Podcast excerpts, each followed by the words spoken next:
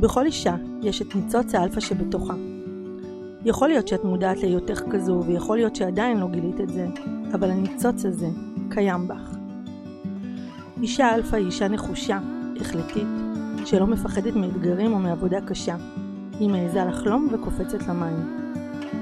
אישה אלפא היא לא בלתי שבירה, להפך, היא כזו שתאפשר לעצמה להישבר ולהיחשף. היא תאסוף את החלקים ותמשיך קדימה בדרך. אני מיטל קומפינסקי, יועצת מנטלית לנשים חזקות, נשות האלפא, ובפודקאסט הזה אני הולכת להכיר לך נשים יוצאות דופן ומעוררות השראה בתחומן, ולהראות לך שבכל אחת מאיתנו קיימת האישה האלפא. אנחנו מתחילות.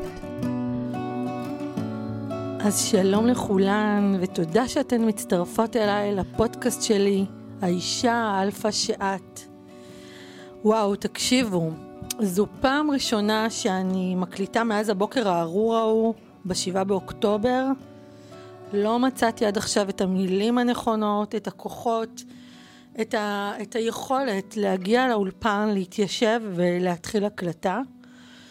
ולא הקלטתי בגלל זה. הרגשתי שאני חייבת להיות כמו שאני רגילה להיות, ביכולת להביא את עצמי לידי ביטוי, וחשוב לי להיות אותנטית, אז אני לא עושה בשביל לעשות וי, ואני לא עושה בשביל להגיד, אה, אוקיי, עשיתי, ולא שחררתי פרקים כמה שבועות. אה, העצב הזה היה כל כך כל כך גדול עליי, והציף אותי, ולא הצלחתי להביע את עצמי במילים, אז פשוט שחררתי. נתתי לזמן לעשות את שלו. אני אומרת שנתתי לזמן לעזור לי, לעזור לעצמי, והזמן אה, עושה את שלו, הוא מרפא, הוא עוזר, הוא משחרר. והיום, פעם ראשונה שאני מגיעה לאולפן, מזה ארבעה שבועות, כדי להקליט לנו עוד פרק בפודקאסט שלי, האישה אלפא שאת, שגם הוא באיזשהו מקום יעבור אה, שינוי והתאמה לתקופת המלחמה הזו. אנחנו ננצח. התלבטתי איך אני קוראת לפרק, והסתובבו לי מלא מלא מלא מלא מילים בראש, ובסוף כתבתי כותרת אחת, עם ישראל חי. ומגן דוד שאני אוטוטו מזמינה לי, ו- ומשהו, משהו ב- בציונות uh, ממש נכנס לכל, לכל כיוון. אני מרגישה חזקה מתמיד בציונות שלי ובאמונה שלי במדינה הקטנה הזו שלנו. אז אני מסתובבת השבוע הרבה עם המושג דלתות מסתובבות. מי שראה את הסרט, דלתות מסתובבות, מדבר על, על, על איפה כל אחד היה כש. ועלתה לי איזושהי שאלה, לא יודעת, פילוסופית, איפה כל אחד היה כשקרה מה שקרה? איפה זה תפס אותנו? איפה כל אחד זה היה, איפה כל אחד היה, מה כל אחד עשה, איך כל אחד הגיב לסיפור הזה. ואצלנו באותו בוקר ארור, שש וחצי בבוקר, תפסה אזעקה כשעוד היינו במיטות. אזעקה, קפצתי מהמיטה. איתן רץ לסגור את uh, חלון הממ"ד. Uh, אני רצתי להביא את uh, אריקי מהמיטה שלה. הלל רצה לתפוס את בל הכלבה, ונכנסנו לממ"ד. מתורגלים, אני גרה בבאר שבע, אזור הדרום, אזור שמורגל ומתורגל, ואני אומרת לאיתן, מה, מה עכשיו? כאילו, מה, מה נזכרו בנו ועכשיו משבשים לנו את הבוקר? היינו אמורים לנסוע לאיזשהו פיקניק עם חברים וילדים שלהם, והבנתי שאין מה לעשות, חזלשו אותנו, ואנחנו מסיימים את התוכנית וחוזרים ל... לאיזה שהיית ממ"ד, ומי שגר ב, באזורים של אה, אזעקות יודע שהאזעקה אחת, יש לה את הכוח לשבש את כל האווירה ולנכס. והתכתבתי עם חברות בוואטסאפ שלנו, הקבוצה של החברות, מה קורה, אתן בממ"ד, כן, אנחנו בממ"ד, הבנו שכולם בסדר. איתן והבנות עם אדרנלין הלכו לסלון, ואני חזרתי למיטה, קצת לוואטסאפ, קצת התקשקש, קצת אה, אינסטגרם וכאלה, ועוד פעם אזעקה. ועוד פעם אזעקה, ועוד אזעקה. אני מתחילה להבין ש... בואנה, זה משהו רציני הרבה יותר. יש פה איזה אירוע, עוד לא הבנתי בכלל מה הכיוון ולאן זה הולך, אבל הבנתי שיש פה משהו. פתחנו ערוץ 12, תדירות האזעקות והפנים של דני קושמרו העידו שיש כאן משהו אחר, קשה מאוד. יש פה משהו רציני. ואנחנו מתחילים לראות שמספר ההרוגים מטפס, וזה קרה נורא נורא מהר, מ-100 ל-200, וזה ברור שזה לא מספר סופי. אני מבינה שיש כאן אירוע מתגלגל מהסוג הכי אימתני שיש,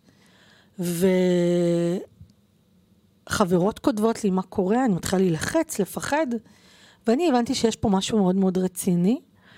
החלטתי שאני באינסטגרם שלי כותבת לכל uh, מי שצריכה אותי, ובפרט לתושבות העוטף.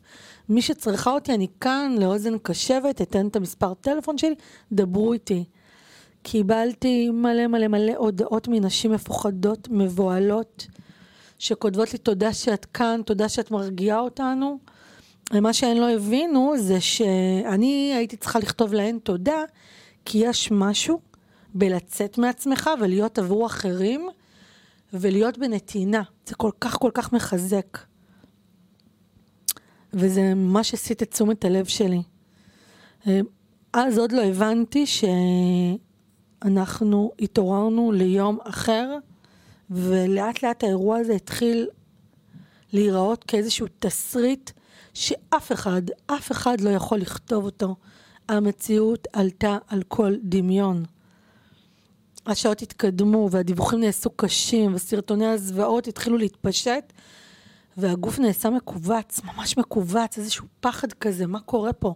הר, הרגשתי שישראל מאבדת שליטה ו... והחדשות גם לא הפסיקו לדווח מספרים שאנחנו לא מכירים, לא מכירים אירוע שכזה. אצלנו בבית נצמדנו למסך, הבנות היו ככה במתח, הקטנה מבוהלת, מפוחדת, צמודה אליי ולאיתן. ולקראת השעה 12 אצלנו בבית, איתן יוצא למרפסת לשיחת טלפון, ובראש שלי שאיתן מדבר עם אבא שלו, ההורים של איתן מדברים, uh, בצ... uh, uh, סליחה, גרים בצפון, קיבוץ דגניה א', ותמיד כשיש איזשהו אירוע, אבא שלו מתקשר, מתעדכן, רוצה לדעת מה קורה. והייתי בטוחה שהוא מעדכן את אבא שלו במצב, אזעקות וכולי בדרום. ואני אומרת לו, נו, זה אבא שלך? אז הוא אומר לי, לא, זה המג"ד שלי, קורא לי לצו 8. 12 בצהריים. אני אומרת לו, לא נכון, אני חושבת מסתלבט עליי. לא, לא הסתדר לי המהפך הזה מחופשת חג לבן אדם שצריך עכשיו לארוז את עצמו ולנסוע מהבית. אבל איתן היה רציני, רציני מאוד, תוך 20 דקות, חצי שעה, הוא כבר היה לבוש, מדוגם, עם תיק מוכן ויורד לאוטו. הבנות אה, נתלו עליו, והקטנה שלנו ממש הייתה בשוק, בשוק, היא לא הבינה בכלל את הסיטואציה, אפילו לי היה מאוד מאוד קשה להבין את הסיטואציה. ובתוך איזה רגע של פחד כזה, אמרתי לו, בוא, בוא נעשה תמונה ביחד.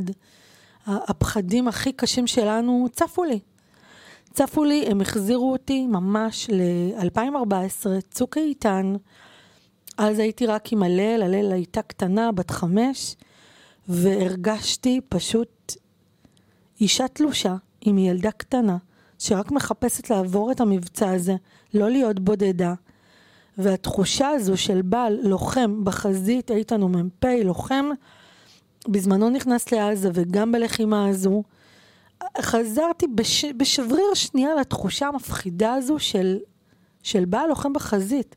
ועכשיו אני אימא לשתיים, ואני צריכה רגע לדעת להחזיק את הסיטואציה הזו. אז איתן יצא מהבית, הסתכלתי על הבנות, הבנות הסתכלו עליי, אבודות, גם אני, כן? והבנתי שמעכשיו אני חייבת להיות חזקה בשבילן, אין לי, אין לי עם מי להתחלק בדבר הזה, אין לי. זה אני איתן, והיה לי ברור שאיך שאני הולכת להגיב לסיטואציה הזאת, זה הולך להשפיע עליהן כל החיים. אם הן יראו אותי בוכה, מכווצת, בסטרס, אני אגרום להן לפחד שלא תמיד אפשר בכלל לארגן אותו אחר כך, כי יש משהו ברגע מאוד מסוים שצורב בתודעה. וקיבלתי החלטה, מבחינתי החלטה גורלית לקרוא לזה. אני עושה הכל כדי לשמור על הבריאות הנפשית והמנטלית שלי. אני מתכנסת פנימה כדי לשמור על האנרגיה שלי.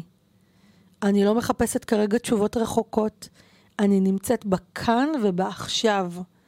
אני מתרכזת בבנות שלי ובבריאות הנפשית שלהן, ואני מקיפה את עצמי רק בסביבה קרובה וחיובית, אני קוראת להם אנשי האמת שלי. ידעתי שזאת החזית שלי. איתן הולך לחזית מסוימת, וזו החזית שלי. כמו כולם, גם אני לא הבנתי לאן הולכת המלחמה הזו. אבל הבנתי שאני מבססת את המסלו שלי, את בסיס הפירמידה. אני במלחמה על הבית הפרטי שלי, על הבריאות הנפשית שלי ושל הבנות שלי. אז ראיתי חדשות, ובשבועיים הראשונים אפילו ראיתי הרבה מאוד חדשות, אבל לא הסכמתי לצפות בזוועות. לא הסכמתי. לא ראיתי סרטוני זוועה. תיאורים, תיאורים הספיקו לי. פתחתי אינסטגרם, אבל הייתי בו במינימום. אני יכולה להגיד שהורדתי עוקב להרבה מאוד אנשים ש, שפשוט היו לא אחראים ושיתפו סרטונים שהם סרטוני אימה מבלי לשים איזה אזהרת טריגר. פשוט המעטתי ברשתות החברתיות וזה היה מורכב כי הרשתות קראו לי. כשאנשים לא הוציאו את האף מהבית, אני החלטתי שאני נוסעת למשפחה, גם אם היא מרוחקת, ואני נמצאת עם אנשים, ואני מארחת חברות אצלי בבית, והולכת לחברות אצלן בבית, מביאה חברות לבנות. דאגתי להקיף את עצמי מכל כיוון. כשכולם אכלו אכילה רגשית, החלטתי שאני מקפידה לבשל אוכל בריא ומזין. הבנתי שהמלחמה הזו היא שעת הכושר שלי. אני למעשה משתמשת בכל הידע שיש לי ובעוגנים שיש לי כדי ליצור את השגרה החדשה שלי, שגרת המלחמה. ההחלטה הזו התבררה כהחלטה הכי נכונה שיכולתי לאמץ לעצמי בשבת, 12 בצהריים, השביעי לאוקטובר, כשאיתן ירד לאוטו ואני נשארתי עם שתי ילדות קטנות ומבוהלות. אני מרגישה שבאיזשהו מקום יש את העולם של לפני השביעי לאוקטובר ויש את העולם שאחרי, ולי לתחושתי, כל מה שהאמנו בו התרסק לנו מול העיניים והאמת התחילה לצוף. בכלל המילה אמת ליוותה אותי מאותו יום, בכל מקום, בכל שלב ובכל זירה אפשרית. באיזשהו מקום, בשביעי לאוקטובר, חווינו כולנו כעם שכול לאומי על כל מרכיבי האבל והכאב. הכל התרסק לנו בבת אחת. העדויות והמראות הקשים שנצרבו לנו בתודעה, וההבנה שכל מה שהאמנו בו עד אותו יום התרסק לנו לבנה אחרי לבנה. עכשיו תראו, זה לא שאני תמימה או נאיבית. אני יודעת שהעולם מחולק לציר של רוע ורשע וטוב. אבל לא חשבתי שהרוע יכול להיות כל כך רע. אולי לא רציתי להאמין בזה. אולי חשבתי שלרוע יש גבולות. אולי רציתי להאמין בעולם טוב יותר. אולי רציתי לה, להאמין שבילדים לא נוגעים. אולי רציתי להאמין בסטריליות. אבל מה שבטוח זה שאצל כולנו נפער בור של אמון בכל מה שהאמנו בו. יש אותנו שלפני השבעה באוקטובר, ואותנו המפוקחים של אחרי השבעה באוקטובר. נשברו לנו כל כך הרבה קונספציות שהגיעו יחד עם ההתפכחות הזו. אז כמו שאמרתי לכם בשבוע הראשון למלחמה, הרגשתי שאני חווה הצפה רצינית של האמת יוצאת לאור. מכל כיוון הרגשתי שמה שאני רואה אמת ושקר, פשוט משחק קבוע בין אמת לשקר. אם זה מדינות אנטישמיות שבצביעותן הגנו על רוצחים שפלים ובחרו לקרוא לטבח התנגדות לגיטימית, אוי כמה זה סקסי וכמה זה נראה טוב לקרוא לזה התנגדות לגיטימית. ארגוני נשים בעולם שלא גינו את הזוועות. איזשהו שמאל פרוגרסיבי שהלך קיצוני מדי. הצבא החזק שלנו, שאיפה הוא היה כל כך הרבה שעות? אני, אני הייתי בשוק. עכשיו, נכון שהיו מעשי גבורה והמון, המון של שוטרים וחיילים וצבא שהגיע, אבל לא מספיק. לא ברמה שידעתי שאם קורה משהו הצבא מגיע. המדינה כשלה. גורמי. מודיעין כשלו. המדינה הגיבה לאט מדי, וארגונים אזרחיים מטורפים נכנסו לוואקום הזה, שזה דבר מדהים. והממשלה שלנו, שהשקט שלה רם יותר מכל רע שהיא עשתה אי פעם, פתאום שקט לא ברור. ממש הרגשתי את האמת צפה, והרגשתי שלאמת יש כוח מטורף בזמן הזה. הרגשתי את השיקופים של האמת מגיעים מכל מקום. ואפילו היום אני יכולה להגיד שאני מרגישה שהאמת הזאת היא באה להעביר אותנו שיעור ודרך כעם, ממש משהו שכולנו עוברים ביחד. מתוך השותפות גורל, מתוך זה שאנחנו עם יהודי, מתוך זה ששונאים אותנו על היותנו יהודים. והבנתי משהו מאוד מאוד חשוב, אני תמיד מבינה אותו, אבל עכשיו זה עמוק. ישראל זה הבית שלנו, גם בימים טובים וגם בימים קשים. והאין לי ארץ אחרת זו לא איזו קלישאה. זו מה שהמציאות המטורפת מוכיחה לנו בחודש האחרון פעם אחרי פעם. האנטישמיות מכה גלים ורוכבים בעולם על איזשהו גל שנאה שלא צריך להסביר אותו, פשוט לא צריך. מספיק להגיד את המילה כיבוש, וזה נותן לגיטימציה להתפרע מכל כיוון שהוא. ומה שאמת הוא שקר, ומה ששקר הוא אמת. והאמת העירומה התגלתה ויצאה החוצה, והציפה את כל מה שראינו, תמיד, ובחרנו לייפות. אתם מכירים את זה שאנחנו רואים דברים ועוצמים עין? אז כזה. בימים טובים אתה מסתיר את זה, אבל בימים שקשה, כל השיט צף.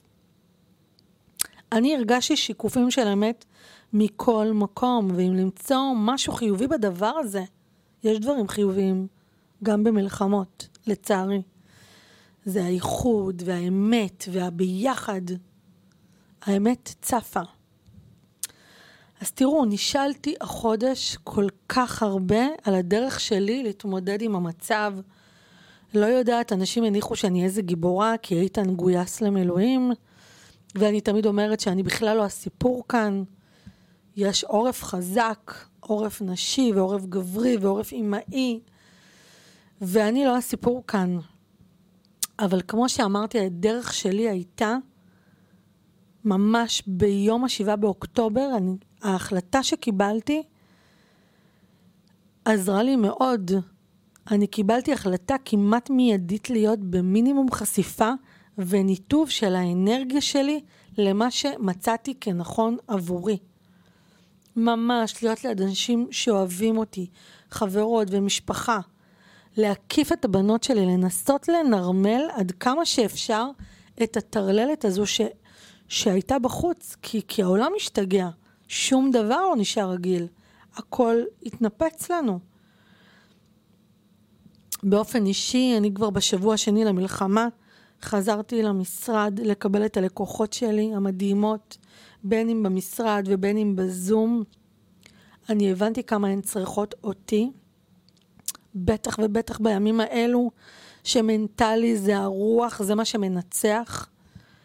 אה, אבל גם אני צריכה אותן, כי הן עוזרות לי לשמור על הבריאות שלי. אני רוצה רגע ש, שתבינו שכשאנשים נמצאים בתוך האומללות שלהם, הרבה יותר קשה להם להתגבר על הקושי. אבל כשאנשים נמצאים בהתנדבות, בנתינה, בעשייה, בראיית האחר, הם גדלים מזה מאוד. והעבודה עזרה לי לשמור על הבריאות שלי. כשכולם בחוץ דיברו על הלגיטימיות של לשווק או לחזור לעבודה, לא הרגשתי איזשהו צורך להתנצל על העשייה שלי, שברור לי שהעשייה של כולנו היא חלק מהחוסן שלנו. היא חלק ממה שמחזיק אותנו. עוד דבר שלא עשיתי, כשכולם עשו בלי סוף הסברה בחוץ, הבנתי עיקרון חשוב שקשור לפסיכולוגיית האדם, ואני מבינה באנשים. אסור לנו להיות בעמדה מתגוננת או מתנצלת. אוהבים לא לאהוב אותנו, ואנחנו צריכים לדעת להביא את האמת שלנו כמו שהיא, לא בהתנצלות ולא בהתגוננות. הבנתי שאני לא נכנסת להסברה או להתנגחות. יש אנשים שיודעים לעשות את העבודה הזו טוב ממני, ואני בוחרת לשמור על האנרגיה שלי גם כאן. כן, שיתפתי סרטונים, אבל לא ניהלתי מלחמות הסברה. יש מי שיודע לעשות את זה, יש גאונים בהסברה ויחסי ציבור, והבנתי שכדי לשמור על עצמי, אני שומרת על האנרגיה שלי.